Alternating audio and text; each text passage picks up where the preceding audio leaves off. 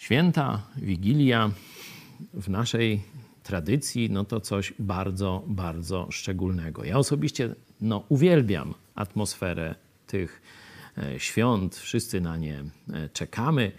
E, warto jednak sobie przypomnieć, że nasz sposób obchodzenia świąt to jest nakładanie się wielu tradycji. No na przykład taka zagadka, karp po żydowsku, to z jakiej tradycji jest? No a na przykład choinka. No, z tradycji niemieckiej. I proszę bardzo, fajna, też e, lubię.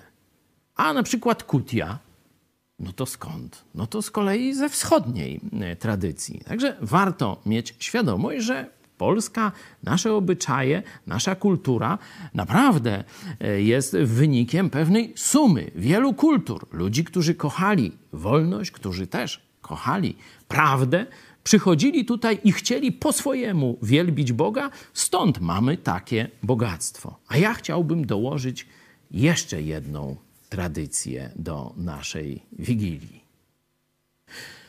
Tradycję amerykańską. Wiecie, co te Amerykany wymyśliły? One nie na Wigilię, ale wcześniej, na koniec listopada, mają takie święto dziękczynienia. Wiecie, co oni tam wyrabiają?